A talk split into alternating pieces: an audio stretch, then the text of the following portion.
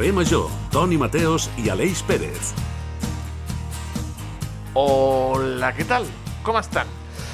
Els científics han detectat un gran impacte d'un raig còsmic a la Terra, afortunadament, afortunadament lluny de Catalunya, així com d'altres països en els quals podria haver estat un perill per la població. L'han anomenat Amaterasu, en honor a la deessa del sol japonesa. Experts de la Universitat Metropolitana d'Osaka asseguren que ha superat a qualsevol acceleració de creació humana, com l'accelerador de partícules del CERN, el qual ha superat en un milió de vegades més. El raig còsmic ha arribat amb una ultraenergia de procedència desconeguda i ja és tot un misteri a estudiar. Diuen que ve del buit, però el buit està buit. D'on ha vingut? De quin planeta? Ens volen envair? Són extraterrestres? L'evidència científica determina que no hi ha preocupació en matèria de salut a gran escala, ja que els éssers humans estem exposats diàriament a radiació. Les conseqüències de rebre dosis molt elevades pot produir alguns símptomes que alterin el funcionament dels nostres teixits, com nàusees, vòmits, caiguda de cabell... Els tinc tots. I en cas molt greu, la mort. També, també la tinc. Jo crec que és amb Thanos, dels Vengadores, que ens vol envair. Tu, tu què penses, Aleix Pérez? Home, veient la imaginació que tenen el, en els còmics de Marvel, doncs podria ser perfectament. La veritat és que jo em decantaria més per, per Galactus, que, que imposa una mica més que, mm. que, que Thanos, no? Galactus és aquell devorador de mons que a la pel·lícula dels, dels Quatre Fantàstics van, fora, van fer com un forat negre. No és així, és com un monstre molt alt que flota per l'espai no? Amb casco, sí, sí. sí. Exacte, amb té un casco una mica friqui i, i, i flota per l'espai, que a mi això és el que em sorprèn més, perquè el paio aquest no sé com es mou, no sé com camina, no sé com va d'un món a un altre per devorar-los, però en fi. És un devorador de mons, pot sí. fer el que vulgui. Per ser Aleix, tranquil, eh? El raig va arribar l'any 2021. No pateixis, ah. està tot superat, eh? O sigui, ara ha sortit a la revista Science. Com un raig còsmic... com un raig còsmic ens fiquem a treballar les 8 emissores del Camp de Tarragona que fem al carrer Major, ja saben, Ràdio Ciutat de Tarragona, Ràdio Hospitalet de l'Infant, Ràdio Montblanc, Altafulla Ràdio, Ona la Torre, la nova ràdio de Reus, Ràdio La Selva del Camp i Baix Camp Ràdio. I sonem com un tro gràcies al nostre tècnic, el devorador de mons, el Diago Moreno, que és la llum que ens guia. Benvinguts a Carrer Major. Thanos, tremola.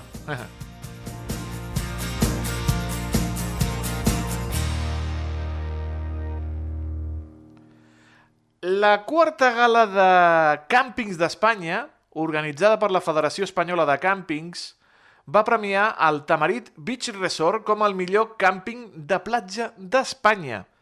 Aquest resort, situat a Tarragona, destaca sobre la resta per la seva excel·lència i la dedicació de tots els treballadors a crear noves experiències per als seus usuaris.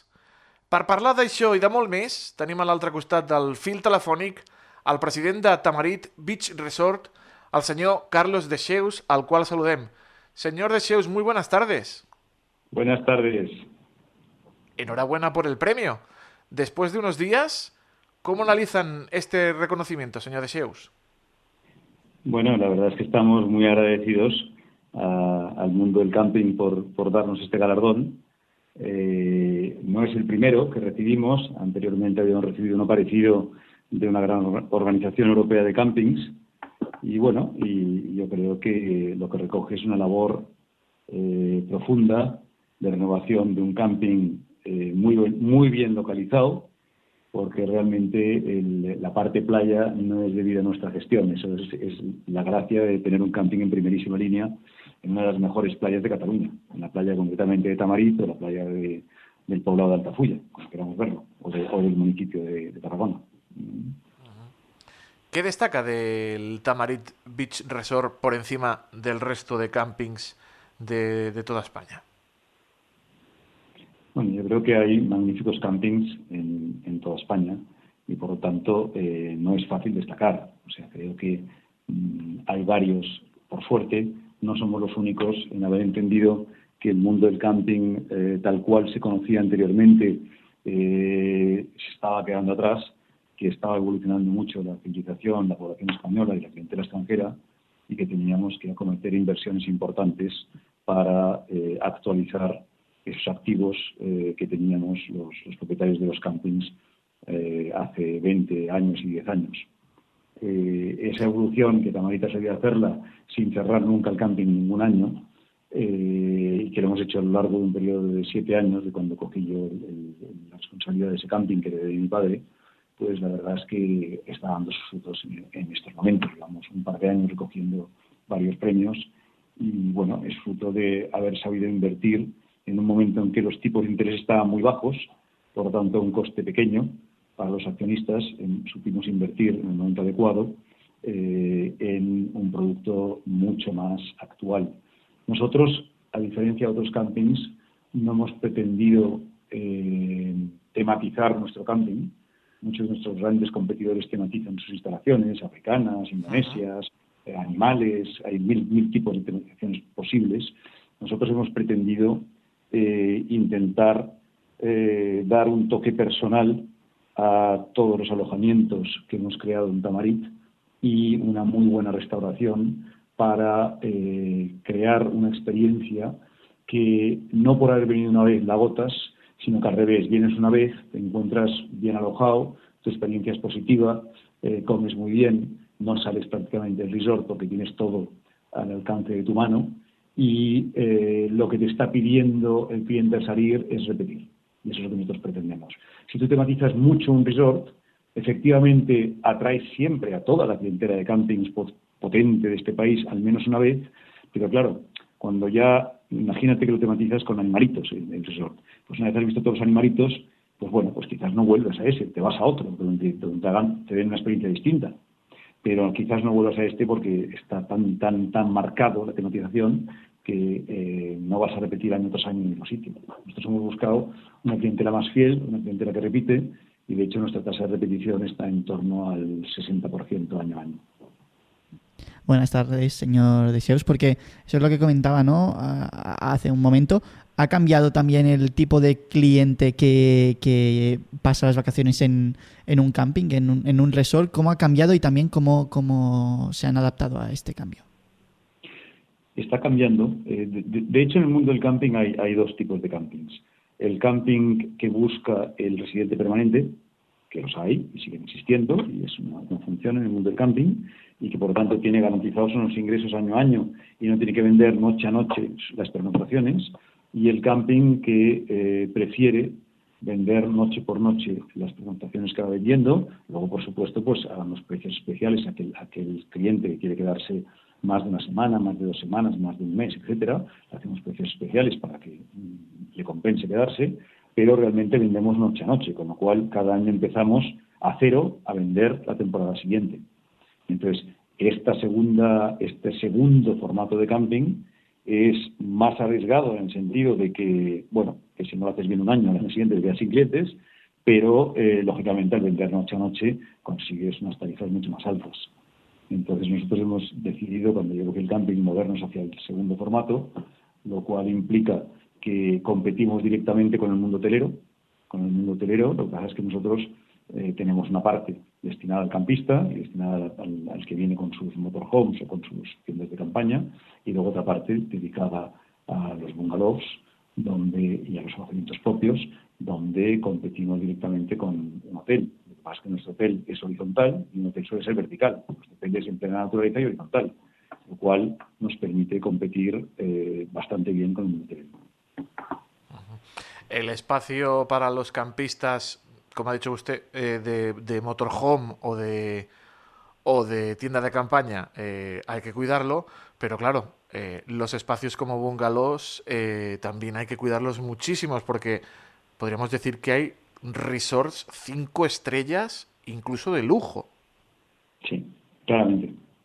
Claro, el, una, vez, una vez acometes la evolución hacia nuestro modelo de camping, lógicamente incrementas muchísimo tus costes de personal porque hay que limpiarlo todo esto. Claro, no es lo mismo un señor que viene y clava cuatro postes y tiene su tienda de campaña montada, que lo único que le vendes, lo único que le alquilas es una parcelita, que mm, alquilar un, un bungalow con dos habitaciones, dos baños, eh, sábanas limpias, eh, toallas limpias, etcétera, y un bungalow perfectamente limpiado, una terraza con, todo lo que ya conlleva.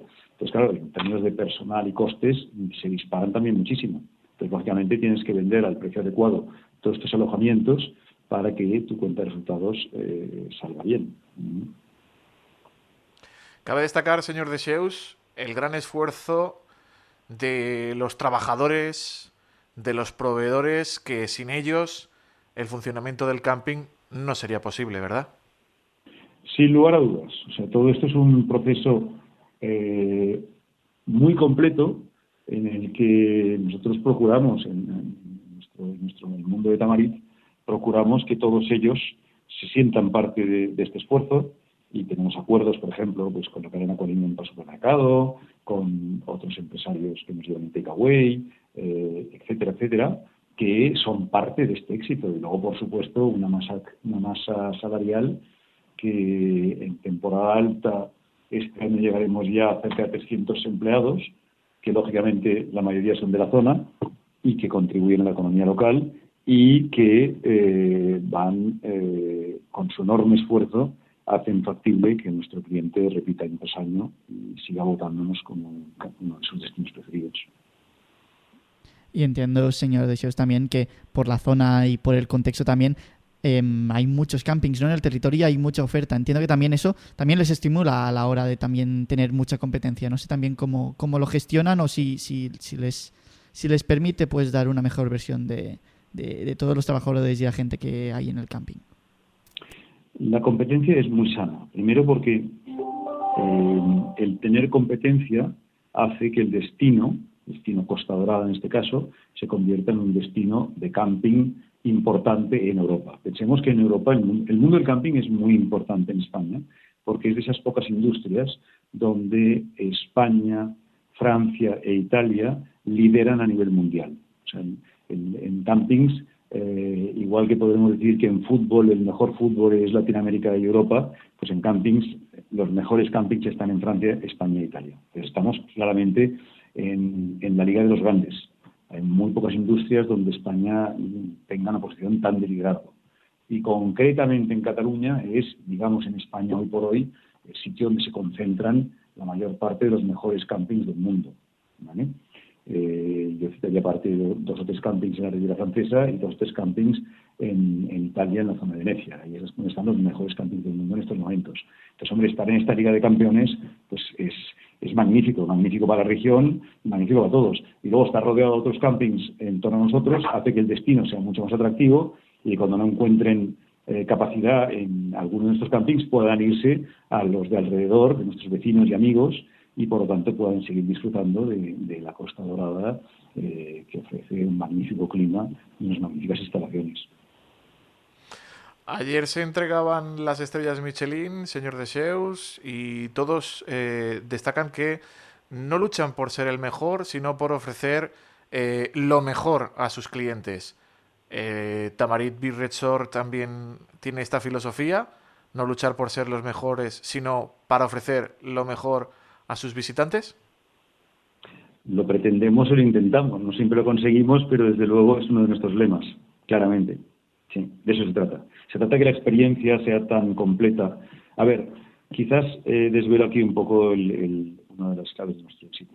Cuando yo me metí en este negocio por herencia, eh, hace siete años, eh, lo primero que me di cuenta es que un complejo del tamaño de Tamarit eran un sinfín de, de, de actividades o de conceptos en los que teníamos que dar un servicio perfecto. O sea, voy a enumerar solo algunos, seguro me dejo alguno, pero empezamos por la vigilancia. Es un entorno vigilado, es un entorno donde un equipo de vigilancia potente está controlando que no se producen accidentes, que no se producen reyertas, que no se producen robos, etcétera. Esto es importantísimo, o sea, que se sienta nuestro cliente en un entorno seguro. Segundo, animación. El cliente no solo viene a pasar sus vacaciones, quiere que le animemos durante sus vacaciones, porque si no le animas, se va a buscarla fuera la animación. Tercero, desayunan, comen y cenan con nosotros. Tienes que ofrecerles una oferta gastronómica variada. No vale con tener cinco restaurantes donde en todos lados ofreces lo mismo.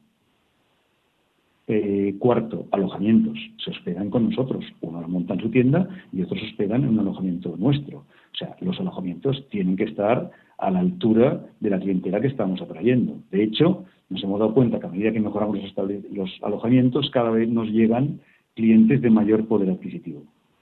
Y eso es muy importante, porque claro, en el momento que tú atraes eh, los clientes del máximo poder adquisitivo del mundo del camping en Europa, ¿qué ocurre? Que todo tu complejo de restauración sube como la espuma, porque esos clientes no tienen reparo en salir a comer y a cenar contigo en un restaurante y pagar el margen que ello conlleva, porque, bueno, porque pueden permitírselo. Entonces, en paralelo a mejorar tus alojamientos y mejorar el camping, mejoras tu concepto de restauración y poco a poco, pero claro, tú no puedes fallar en ninguno, porque jardinería, por ejemplo, la jardinería es igual de importante que el alojamiento. O sea, ¿de qué te sirve tener un magnífico alojamiento si sales y hay una sabana al lado y te asfixias de calor porque tienes una sola sombra en tu entorno? O el entorno es feo. No sirve para nada. O sea, desmerecería el alojamiento. Entonces, todo eso son pequeños conceptos en los que yo siempre digo, la clave de nuestro éxito es que la nota más baja que tenemos que conseguir de media de nuestros clientes en cualquiera de estos conceptos tiene que ser como mínimo un 8 y si es posible lo más cerca al 10 posible. Si llegamos ahí en todos los conceptos, la experiencia es inolvidable y el cliente repetirá. Eso es, eso es como nosotros gestionamos también. Una, una nota baja, un 8, es una nota baja muy, muy, muy alta. La firmaba, ¿eh? La firmaba. Yo la firmaba, y tal, y tal que sí. Eh, ustedes no paran ni en verano ni en invierno. De cara al año que viene, novedades, ¿qué nos espera en el Tamarit Beach Resort, señor Deseus? Pues este año hemos hecho alguna cosa nueva. Primero hemos hecho un spa, que lo hemos inaugurado hace escasas semanas, y eh, bueno, que yo lo he estado probando personalmente y la verdad es que dará, dará que hablar en la región y creo que será un punto de escapada maravilloso para pasar el día que, que permitirá al residente de la zona, hasta Tarragona o Reus, en fin, la zona amplia, Baix, etcétera, que pueda pasar un día con nosotros, eh, parte en el spa, parte en el restaurante y parte disfrutando de la magnífica playa que rodea el camping y por lo tanto pasar un día maravilloso y creo que será una experiencia muy buena. Y, y, por lo tanto vamos a abrirnos un poco a la región para que disfruten de esto, de esta nueva inversión. Y luego la otra inversión importante que hemos hecho, que aunque no va de campings, va de hotel, ha sido comprar el Hotel Gran Claustre en Altafulla, que en el fondo, la manera como vamos a reposicionarlo, es, va a ser para aquellas familias que ya no tienen hijos porque se han hecho mayores que quizás han venido anteriormente a Tamarit, pero que les gusta la zona, que la han disfrutado y que prefieren estar en un entorno más tranquilo, que puedan hospedarse en el hotel y tener un entorno de menos niño, menos ruidoso y más tranquilo, pero con, un, con una nave, o con un, con, una, con un minibús, con un chofer, puedan ir a disfrutar de todo el entorno de Tamarit cuando les, les apetezca, unas horas, un día entero, como ellos quieran. Entonces, la, la combinación del hotel y el camping creo que nos va a dar una mezcla muy, muy, muy positiva eh, para ofrecer un poquito más a un tipo de clientela que no queremos perder, que nos ha conocido cuando sean pequeños y que se iría a otro sitio si no ofrecemos una alternativa hotelera correcta en la zona donde puede disfrutar de todo. Y eso es por donde vamos. El hotel se va a rehacer todo en su totalidad y espero que dentro de un año y medio lo tengamos reposicionado completamente apuestas muy importantes de cara al futuro. Eh, Aleix, mm, yo me apunto a hacer un programa en directo desde el spa. habrá, que, habrá que probarlo, ¿no? habrá que probarlo. Lo que queremos es... Vamos cuando queráis. darle las gracias a Carlos de Seus, eh, al señor Carlos de Seus, presidente del Tamarit Beach Resort, y de nuevo transmitir nuestra felicitación a usted y a todo el equipo de este camping, del mejor camping de playa del Estado español. Muchísimas gracias por acompañarnos esta tarde aquí en Carrer Major. Muchas gracias a vosotros. Hasta pronto. Hasta pronto. Adiós. Carrer Doncs Major, el primer programa del Camp de Tarragona. Ai, sí, el primer programa del Camp de Tarragona podríem anar a fer el programa seriosament, eh? Aquí, al càmping aquest, al càmping Tamarit. Jo ja m'estic imaginant, eh, Toni? Sí, sí, escolta, que truquin des d'Altafulla Ràdio i que ho gestionin ells. I el Iago també, que vingui. Que vingui el Iago també. Ui, el, Ia el Iago s'apunta. El Iago, tu t'imagines el Iago? Amb un flotador, alguna cosa així per la, per la taula de control i coses així perquè no es banyi, però... Ui, ui, ui, ui, ui per, per l'espa. Ai. Ja està disponible l'eix al podcast de veïns del company de Radio Ciutat de Tarragona, la Riarra Casens. Ep. A més a més, avui, el podcast d'aquesta setmana és d'un bon amic meu, un paio que és rockero des de la punta del dit petit del gros fins a l'últim cabell que té, que en té molts perquè és rockero. I llargs? R eh, digues? Llargs o no? Que vells Perdona? llargs? Que vells llargs té? Els cabells sí, els té llargs. Sí. Bueno, Ah, ah, llargs, pensava. llargs. Allò, rockero Sí, sí. mm, guapete, aquells rockeros guapetes. I a més a més és propietari d'una escola de música. Tot barrejat, l'Eric López és el protagonista del podcast de veïns i sentim un tastet.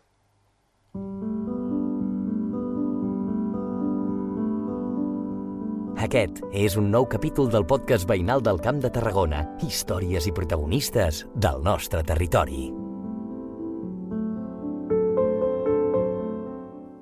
La música, el rock concretament i una guitarra són els ingredients o els elements que tenen molt a veure amb el protagonista d'aquesta setmana del podcast de veïns. Hola, sóc l'Eric López, sóc de Cambrils, tinc 43 anys i sóc músic. Eric López, cambrilenc, cantant i guitarrista de rock, recorda com de petit ja sentia tret per la música i experimentava amb els seus germans gravant casets. De les coses que sempre m'ha cridat atenció és, eh, havia sigut la música. Jo des de ben petit que ja cantava i sobretot el, els cors del col·legi o que hi havia per, per Cambrils o fins i tot aquí a Tarragona quan vaig venir a l'institut ja a vegades em venien a, a veure per, per a veure si podia participar amb ells. Recordo que tenia, tenia molta facilitat, ja des de, en el col·legi ja m'ho deien, de, per eh, interpretar melodies i per reproduir melodies i, i fins i tot quan era ben petit i em van regalar un, un Casio, un, un, un teclat d'aquells... Eh, eh, reproduïa totes les cançons que a mi m'agradaven, eh, de oïda sempre les, les reproduïa, llavors. Històries, vides, trajectòries, anècdotes. Els nostres barris, carrers, places, municipis, pobles i ciutats compten amb un grapat de veïns i veïnes rellevants per una cosa o altra. El podcast veïnal de Carrer Major, el programa de les 8 ràdios de la xarxa al Camp de Tarragona, ens fa descobrir aquests perfils del territori cada setmana amb Adrià Requesens. No et perdis cada capítol a rctgn.cat. Podcast de veïns. Gent amb marca local.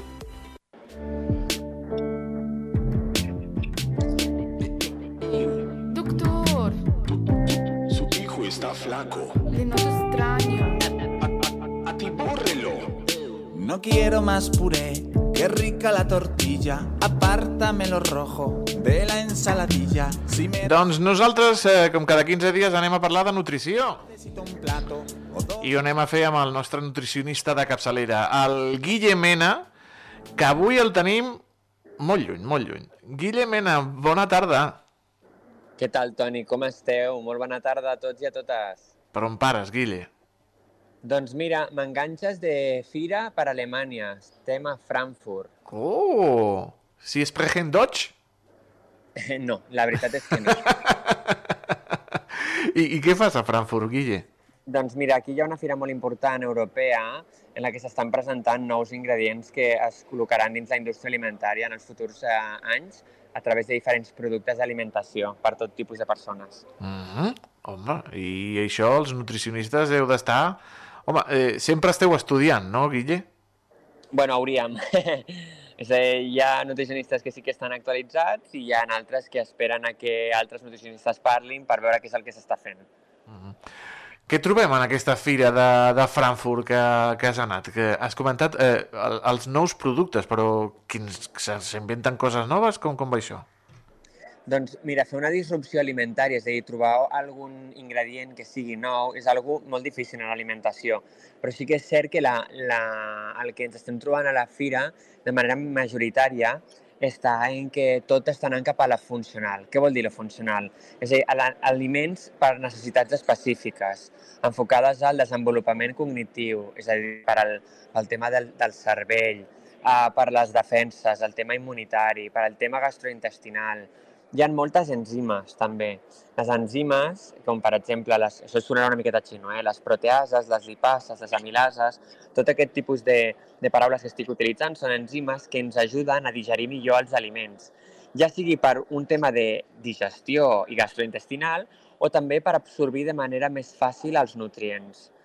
I també una tendència que veig que està creixent moltíssim està amb el tema micològic, és a dir, amb tot el que ve derivat dels fongs. Uh -huh. Amb els és fongs. el- Dels fongs, exacte. Dels fongs, dels bolets... És impressionant, la veritat, és impressionant. Però a, a, a, com milloren els fongs a la, la nostra vida? Bueno, sí que amb, amb el menjar, clar, com no, però què seria? Fongs també de cultiu, no? Seria de cultiu... Exacte, Mhm. exacte. No parlem només de bolets, sinó també dels propis fongs. És a dir, com hi ha, per exemple, doncs, bactèries, virus i fongs, doncs els fongs. Els fongs, com que es poden d'alguna manera, entre cometes, cultivar, i aleshores, depenent de quin, de quin menjar li donis, t'allibera un substracte, doncs aquest substracte potser és útil pel tractament, per la prevenció d'alguna malaltia. O també les proteïnes que venen de, del, dels bolets, està veient que són d'un valor eh, biològic important, pot ser una alternativa també a productes càrnics, una, una alternativa diferent a la proteïna. Molt, Ens ha molt... sobtat molt, eh? perquè hi ha moltes combinacions amb Molt. enzimes i fong, amb Mhm. proteïnes que venen dels fongs... Molt, molt interessant tot això. Eh, aquesta fira podríem dir que és la més important de, del món de la, de la nutrició, no, Guille? Del món no, d'Europa és una de les més importants, sí, és a dir, eh, nosaltres tenim que anar escopetejats perquè hi ha un munt d'estants, hem de cobrir tres pavellons i és una, una, una borrada, és una borrada. Hem d'anar quasi corrent, necessito un patinet elèctric. I tu què és el que, el que busques entre els diferents paradistes i els diferents expositors? Què, què busques tu com a nutricionista, Guille? Doncs mira, el que busquem sobretot és evidència científica, és a dir, productes que vagin a sortir a mercat, que estiguin recolzats eh, per ciència, perquè nosaltres podem aplicar o col·laborar amb ells de cara a la creació de nous productes. I sobretot estar actualitzats, perquè si no estàs al dia et perds, et perds en aquest món. Busquem salut, busquem salut. Busquem salut, busquem sabor, busquem noves textures, busquem innovació, Mm -hmm. És molt, molt, molt interessant tot això que ens expliques. Eh, de, tots el, de tot el món n'hi ha. Eh, què, què trobes de, de Catalunya i, i, i- i de l'estat espanyol? Què, què pots trobar per aquí? Doncs gairebé res. Ah. Per ara res. És a dir, molt pocs estants que vinguin del nostre, del nostre país. És impressionant, per exemple, el, el mercat alemà i també a l'asiàtic. És impressionant. Està clar que el continent asiàtic és el futur a nivell d'innovació alimentària. Ens porten dècades, dècades en quant al, a nous tipus de productes i ingredients aplicables a la indústria alimentària. Eh, així que a nosaltres ens queda molt per aprendre. Tenim un producte a nosaltres molt bo, gastronòmicament molt saludable i també a nivell de, de palatabilitat molt sabrós, però ens falta molt, molt, molt, molt. Ens falta molt per descobrir, que això també és algo bo, eh? Que ens Sí, home, descobrir. I tant, i tant, i tant. Eh... Home, eh, ara que s'han entregat les estrelles Michelin, aquesta gent doncs, també van innovant, van eh, Sí, afegint nous, nous eh, elements eh, en, en, les, en els seus dinars i en les seves eh, receptes, no? Mira, l'altre dia en un acte vaig coincidir, d'acord, amb un acte de la, de la inauguració de l'Institut Làctic a, al Palau de Pedralbes a Barcelona amb el, amb el responsable, amb el xef de, del Deliranto, que li han otorgat dues estrelles Michelins, el restaurant que està a Salou, Mhm. i impressionant el que ens va preparar. Impressionant. Amb, amb el Pep Moreno. Correcte. Ah, molt bé, molt bé, molt bé, molt, molt, molt interessant aquest, aquest home, el, el Pep Moreno. I els bitxos, perquè diuen que és el futur. Estan també, trobem bitxos, Sí. trobem eh, cucs, trobem altres animals, Sí, sí, sí. I què? Sí, eh, tenim, tenim insectes. Tenim, hem ja fet eh, diferents parades estants d'insectes, però creu-me que no és el, el protagonista en aquest cas. Ens pensàvem que tindríem més presència, però no. De totes maneres, la societat encara no està del tot preparada i mentalitzada per a aquest tipus de producte. Eh? Uh -huh. I a l'estant a Alemanya, has provat el menjar alemany? Sí, bueno, a mi no m'agrada massa. No, no, personal. menjar alemany, pobrets meus. Sí, Que- hi ha que- molta salsa, molta mantega, molt de fregit, molta quantitat, molta cervesa, molta maionesa, molta carn processada en forma de chorizo, com fra Frankfurt, Bratwurst, Metwurst, Bratwurst. Home, estàs a Frankfurt, que d'allà, doncs... Eh, crec que de Frankfurt venen les hamburgueses. eh? No sé si és al revés. Allò de, de Frankfurt venen les hamburgueses i d'Hamburg venen els Frankfurt o alguna cosa així, no? Ni idea, ni idea, ni idea. Ni idea. Vull el meu pa amb tomàquet. No, no, sempre, sempre, sempre. Busquem sempre uh, el pa amb tomàquet. Guille, em, què destacaries de- d'aquesta fira eh, en la qual estàs... Eh, qu quants dies portes i, i fins quan estaràs? Doncs mira, tornem el dia 30, vam arribar ahir i no hem parat. És que no hem parat, no hem parat, no hem parat. I el que espero doncs, és això, és a dir, que totes les converses que hem tingut es transformin en projectes d'investigació i d'innovació de cara a la creació de nous productes. Per sort tenim empreses que empugen aquest tipus d'iniciatives com és Global Fruit Selva, eh, per la creació de productes tant per nens, per adults, uh -huh. per sèniors, funcionals. Aleshores, nosaltres estem encantats de crear noves col·laboracions, projectes d'investigació, d'invertir en ciència, per, per poder recolzar junt amb les autoritats i, el, i les institucions eh, de salut doncs, noves eines que la nostra població pugui utilitzar. És un camí la, lent, però és un camí que s'ha de fer. Per Ah. tant, nosaltres amb això molt tranquils i, i per la meva part molt content. Està, està, està aquí Fruselva a- a- en aquesta fira? Estic representant. Ben, ben, ben, vens representant a Fruselva, home, empresa salvatana, i això, eh, jo t'estic parlant des de Ràdio La Selva, hem de treure, hem de treure pit, Guille. Totalment, totalment, sí, sí. Recordem, però, que Fruselva va partir una divisió, d'acord, i s'ha quedat amb la marca. Sí que estem ara amb la nova, amb la nova fàbrica també a Espanya, amb el negoci europeu, a, amb les fàbriques també a Xile, a Colòmbia, amb les oficines a, a Xangai, a Miami... És una empresa totalment globalitzada i conscienciada amb el que és l'alimentació pel ser humà. Uh -huh.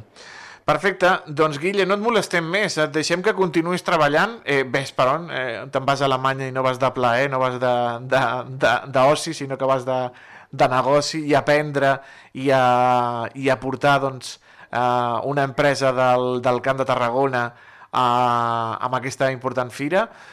Com sempre, t'agraïm aquests minutets que ens dispenses cada 15 dies i d'aquí 15 dies ja quan tornis i estiguis més tranquil, doncs Faltaria tornem, més. tornem a les nostres dietes, tornem a les nostres menjars i a les nostres cosetes. I parlem del Nadal. Fantàstic. una abraçada molt gran, Guille, disfruta. Toni, gràcies. Adéu, bona tarda. Adéu, bona tarda. Carrer Major, el programa degà de les emissores del Camp de Tarragona.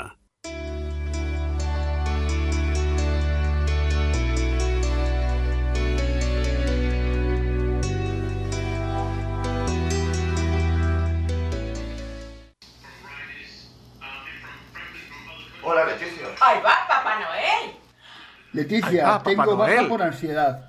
El año pasado Ay, la ay, gente me ha tratado muy mal. porque ha ¿Qué dice? subido todo? Què és això? Pregunta la Ai, los és la nostra amiga, la Leti.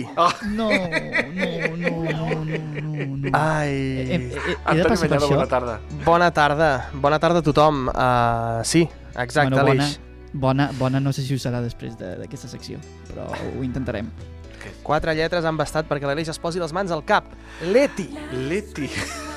Qui és? Qui és Leticia Doncs mira, Sabater? anem a fer una comparació una mica agosarada, eh, Toni Mateos? Els Estats Units tenen a la Maria Carey i nosaltres tenim a la Leticia Sabater. La cantant, perdona que dubti una mica d'això, i presentadora, acaba de publicar el vídeo de la seva nova cançó nadalenca, Esta Navidad me comeré un pibón. Alça tu. A la qual versiona o destrossa la tranquil·la i dolça Las Christmas de Guam. Escolta, escolta.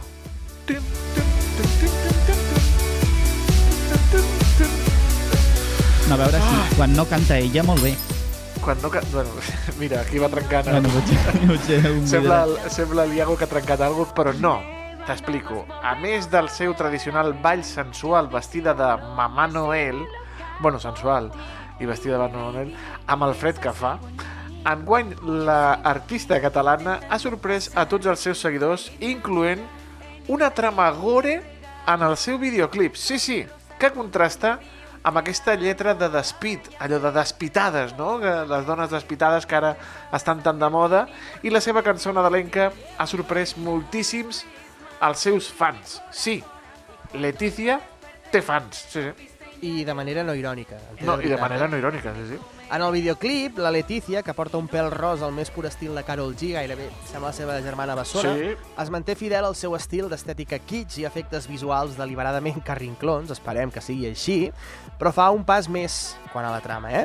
Després d'haver-la vist envoltada de salxitxes, bananes, galls d'indis, emulant a Rosalia, tenint relacions sexuals amb Papa Noel, ara, doncs, com ha dit el Toni, s'ha passat al gore. T'expliquem l'argument, Aleix. A veure, a veure. A veure, vinga, va. És un Papa Noel decebut i amb una baixa per ansietat, que li diu a la Letícia que Oi, és que l'han tractat molt malament la gent perquè ha pujat tot de preu i ordena a una seminua eh, Letícia Sabater enmig de la neu, amb el fred que fa, tornem a repetir, que sigui ella l'encarregada de repartir els regals de Nadal. Però a partir d'aquest ordre comencen les desgràcies. El problema arriba quan els regals de la Leti, per algun motiu que no acaba d'explicar-se, no, són re, eh, no són res ben rebuts. El primer ho lliura un hostaler i l'hostaler doncs el tira, no?, per després trencar-li al cap una ampolla. Que és el que ha sonat abans. Exacte. Buida, eh?, per no malgastar whisky, que suposo que se l'hauran els fotut, de sí, producció. els de producció, sí. I després treu un revòlver i li dispara al cap, la cosa més normal del món. Però Letícia no mor. Això no deté a la Letícia, que continua, s'aixeca del terra i continua ballant alegrement al ritme de Last Christmas. I mentre canta les seves penes d'amor i dona lliçons de superació a ritme maquinero, doncs eh, s'acosta amb una senyora amb rulos, amb cara alegre, i aquesta senyora li clava unes tisores al coll. Home, tampoc cal. Tampoc cal. Doncs De mira. manera gratuïta. Però ella continua ballant amb les tisores enganxades al coll, ni tampoc li deté que l'amo d'un vaixell baixi del vaixell i l'apunyali per tot el cos. Li fa mal a Letícia? No ho sabem. Però ella comença a rapejar. Ole, ole i ole. Perquè quan t'apunyalen rapeges després. Sí, és, és el que passa. La polifacètica artista doncs, fa un node a la superació d'un desamor amb frases, atenció, com Esta Navidad me comeré un pibón y no lloraré tu fucking love, tu jodido amor. Oh, que bonito. O altres perles com En Insta te envié un regalo, una story rosa con una nude y un te amo. Oh. Yo sigo aquí intentando pasar de ti. Oh. No empieces a besarme aquí, ni muerta me fío de ti. Oh. O altres perles com Fuiste un lobo hambriento para coronar, te, te enmascaraste y me conseguiste engañar. Tú ahora quieres regresar, pero el adiós se fue ya. Que bonica. La Letícia és més sincera, eh? És, és, són lletres sinceres, eh? jo crec que aquí hi ha, hi ha experiències passades i, i, i s'obre davant de tots els seus fans. En Insta te envié un regalo, una història rosa con nut i un te amo. Les seves desgràcies no acaben aquí, estimat Aleix. L'han disparat, l'han trencat una ampolla al cap, l'han apunyalat, perquè de sobte arriba un boxejador que passa pel carrer en calça curta, mentre neva, amb el fred que fa, ho torno a repetir, i com repa Letícia? Doncs amb una destral, amb la qual l'esbudella de dalt a baix. Zasca, zasca, zasca, i es veu a la Letícia amb els budells fora. Però això atura l'artista? No, amics. Ella continua cantant alegre perquè sap sobreposar-se a totes les adversitats. L'han disparat, com hem dit, l'han apunyalat, l'han eh, trencat una ampolla, l'han desbudellat, però ella no calla. És com no. de vendetta, prova de bales, eh? Sí, sí. Oh, I tant, literalment. Des de fa anys, Letícia Sabater publica cada estiu i cada Nadal els seus ja icònics vídeos que arriben a superar, per exemple, els 1,9 milions de visites del Polvorrón, els 2,3 milions de visualitzacions de 18 centímetres papi o fins i tot els 7,5 milions de la salchipapa. 7,5 milions salchipapa. Com no, gran número de visualitzacions amb un altre clàssic ja del Nadal com és Papa Noel, lléname el tanque. Tanque amb K. Amb K, sí, sí. Mentrestant, la presentadora i cantant, perdona, ho posem en dubte, fa molts recitals per tota la península, on els seus fans s'amunteguen per veure shows en els quals Letícia treu tota l'artilleria de les seves cançons virals, el Papa, el Papa llamament el tanque, la salchipapa, el Soy la puta ama, el polvorrón, i on també fa versions de temes més de moda com el Noche Ochentera. Heu de veure la Letícia cantant Noche Ochentera perquè... Ai, Déu Ai, Déu meu senyor. Això sí, al final del vídeo es descobreix que no era ell a qui repartia els regals, sinó el Grinch, el personatge verd que vol espatllar el Nadal. Oh my god! Bé, en realitat la Letícia és una mica Grinch. Sí, eh, tot sí, sí, sí. Per cert, en només dos dies ja acumula gairebé mig milió de visualitzacions. En dos dies, eh? Increïble, com li agrada a la gent, i també als tonis, Sí. ho hem de dir, el friquisme, eh? Perquè si no, no faríem la secció dels Tonis avui parlant de la Letícia Sabater. Tu l'has vist, Aleix? No, no, i No, i, no. i no sé si vull veure-ho. No. És que no ho sé. Eh, No. L'heu vist vosaltres? Sí. Sí. Clar, doc Però documentació, és- és per per fer els tonis cal, cal documentació, però Clar, jo no sé home, si... tant, jo no sé si, si... Clar, jo no sé si vull veure... O sigui, ja aquestes imatges ja les tinc al cap perquè les heu explicat, però veure-les jo no sé si vull. M'he quedat... He, he rigut molt amb els noms de les cançons, eh? Amb, amb el polvorrón... amb El polvorrón, eh, amb el 18 Papá Noel centímetres, el papi. Ta- és que tanque amb K, bé, eh? És que- M'han agradat molt. Els, els... 18 jo crec que ha baixat una mica el nivell, inclús, diria, perquè altres anys eren molt bons els, tit- els, els, els títols, no?, de les cançons. Sí, s'ha relaxat una mica la Letícia. A veure... Portarà una balada per, per, per l'estiu? Qui sap, amiga Antònia? Qui sap, qui qui sap? sap, qui sap. Eh, a l'estiu, si la Letícia porta balada, us ho explicarem des del carrer Major i des dels Tonis. I tant. Eh? I ballaràs Toni Mateos en directe?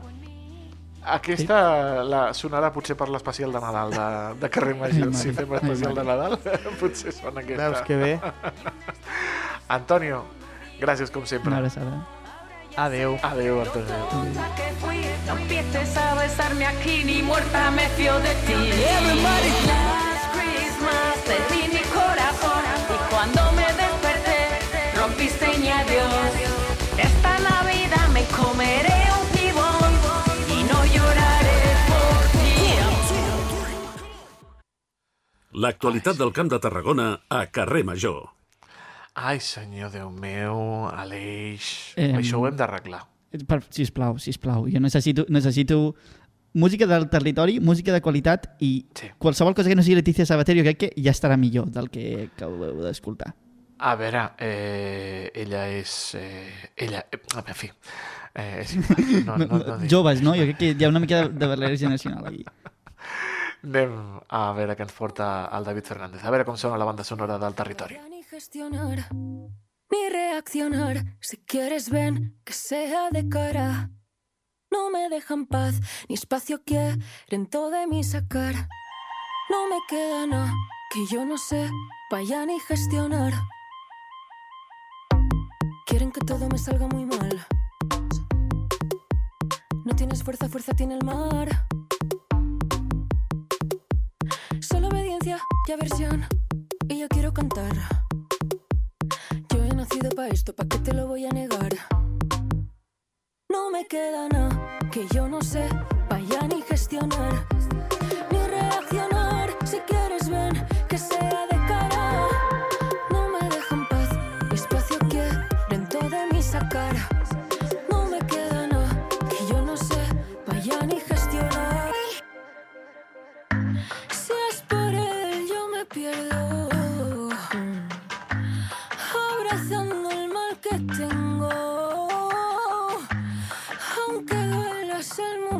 Home, això Quin canvi, eh?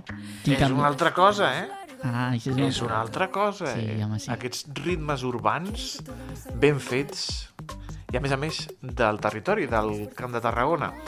El David Fernández ens explicarà qui és aquesta meravella que sona avui al carrer Major. El saludem. David Fernández, bona tarda. Hola Toni, hola Aleix. Avui escoltem una d'aquelles propostes encara desconeguda del Camp de Tarragona, però una de les que té més de futur, eh? Jo recordo que quan vam posar la primera vegada Alba Morena us vam dir estigueu atents amb aquest nom que ens sentirem a parlar, cosa que també vam dir amb els Figaflagües i sembla que ho vam encertar, eh? L'Alba Morena és una jove cantant, compositora i productora de Salou, que des de ben joveneta va estudiar el grau professional de violí clàssic i cant líric al Conservatori de Vilaseca. Als 18 anys va estar a l'Escola Superior de Jazz del Taller de Músics, on va cursar 3 anys de jazz i un de flamenc, i als 21 anys va publicar el seu primer treball discogràfic anomenat Les dos edades. Una proposta que barreja flamenc, o parteix del flamenc, per barrejar-la amb ritmes més actuals, amb elements de música electrònica, de música urbana, una proposta que ha seduït fins i tot a la multinacional Sony, la qual ha decidit fitxar a l'Alba Morena, li publica ja aquest primer senzill que ara estem escoltant, una cançó que es diu No me queda anar, que va, es va editar el passat 23 de novembre i que és un avanç d'un EP que l'Alba Morena ha de treure en les pròximes setmanes. També explica que a principi del 2024 editarà el seu segon disc, també amb Universal, Per tant, doncs, suposem que serà l'empenta necessària perquè tothom pugui gaudir de la música d'aquesta cantautora salouenca. Una cantautora que, per cert, té diferents concerts arreu de l'Estat. Abans d'acabar l'any, aquest mes de desembre, la veurem ni més ni menys que a Oviedo, a Saragossa, a Múrcia, i n'estem segurs que aquest llistat s'ampliarà encara més quan tregui el disc a principis de l'any vinent. Avui, doncs, Alba Morena, us tornem a recordar aquest nom, Alba Morena, al carrer Major. Recordeu-lo. Pierdo. Abrazando el mal que tengo. Aunque duela es el momento. La historia es larga y un portento. Quieren que todo me salga muy mal. Fantàstic, l'Alba Morena, eh, que ens ha portat el David Fernández al carrer Major amb la seva banda sonora. Anem de banda sonora cap a la furgoneta. Ràpid, ràpid, a la furgoneta. Amb la nostra companya, la Cristina Artacho, que ens porta arreu del territori. Avui, cap a la ciutat de Reus, a parlar de medicina, a parlar amb els metges. Cristina Artacho, bona tarda. Bona tarda i benvinguts un dia més a la furgó del carrer Major, avui des de Reus, a la nova i a punt d'inaugurar-se eh, delegació de Reus del Col·legi de Metges de Tarragona. I aquí ens acompanya la vicepresidenta de la delegació de Reus, la Mireia García Villarrubia. Bon bona tarda, Mireia. Bona tarda a tothom. Aquesta renovació del Col·legi de Metges de Tarragona aquí a Reus, que porta molt de temps per, per fer-se. Sí, la veritat és que aquesta seu, bueno, la, la, aquest local, no? el, el vam adquirir el Col·legi Oficial de Metges de Tarragona a l'any 1978, ara parlàvem amb, amb el Conrad, que és el que trobareu sempre aquí, i realment fa molts anys i des de llavors no s'havia fet cap reforma, no? amb tots els canvis que hi ha hagut i tota la tecnologia que ha canviat, i realment doncs, aquesta Junta ho ha fet eh, no, palè i, i ha fet aquesta reforma que estem molt contents perquè la, el canvi ha sigut molt gran. Quina és la raó de ser d'aquesta reforma i realment quin, quines són les coses que creieu que realment són una millora? Bueno, la millora és l'obertura d'espais, eh, fer que aquesta seu sigui dels col·legiats, no? Abans potser era una seu molt més tancada, molt més fosca, i amb aquests canvis de colors i amb aquests eh, canvis de, de, de, de formatius, no? De, de la fusta que acull més el, el, el, que és el, el servei de col·legiat, doncs volem que aquesta casa sigui la casa de tots, no? de tots els metges i la ciutadania fins i tot. Llavors, eh, el que hem fet ha sigut també una reforma integral de lo que és la seu de baix i nosaltres a dalt tenim també una altra, una altra planta que formava part de la, de la seu com a tal perquè era una sala d'actes, però després de donar-li molts toms, molts toms i pensar que realment aquesta sala d'actes no arribava a l'aforament dels cursos que nosaltres realitzàvem, vam intentar fer-ho però per uns temes de baixants i arquitectura no va ser possible i bueno, com a Reus sempre estem innovant no? i pensant una mica més enllà, doncs ens ha portat a fer unes, un, un com living, que li diem, que el que tenim són cinc habitacions amb cinc lavabos i dos espais comuns que són la cuina i el menjador per futurs residents o per col·legiats que arribin a Reus i tinguin problemes per, per accés a l'habitatge. Comentava que volen que aquesta delegació sigui una mica la casa de tots, que es fan cursos. Realment, quina és l'activitat en el dia a dia del Col·legi de Metges aquí a Reus? Bueno, aquí a Reus, bàsicament, és el que us deia. Sempre trobareu el Conrad, que és uh, el nostre personal uh, d'administració, i sempre trobeu doncs, amb ell per qualsevol tema que tingueu relacionat amb, amb la col·legiació de, dels metges. No? Doncs ja sigui informació, ja sigui oferta també de serveis, que dins de la, del col·legi també tenim uns serveis que oferem als, als nostres col·legiats, no? O fins i tot com ara que arriba el Nadal, doncs el Conrad ens baixa els números de loteria des de Tarragona fins a Reus, que això pels de Reus és molt important, no? I moltes altres coses, doncs això, eh, tenim un espai comú que hem, hem fet una sala bastant gran, que serà una sala de reunions molt bonica, en la qual eh, estirarem per fer reunions aquí a Reus i, i que la gent conegui la nostra seu. I bàsicament és això, és atenció col·legial i oferir una casa per qualsevol que es vulgui reunir eh, amb aquesta seu.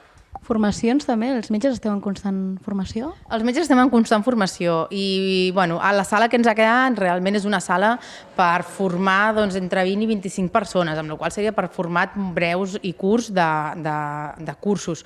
Però aquí a Reus tenim una oferta de sales impressionant, no? Llavors sempre tenim al costat la Facultat de, de Medicina, que té una sala d'actes espectacular, o ja sigui l'Hospital de Reus, o sigui altres eh, llocs de, de Reus on també podem fer activitats com a cursos i formacions i jornades.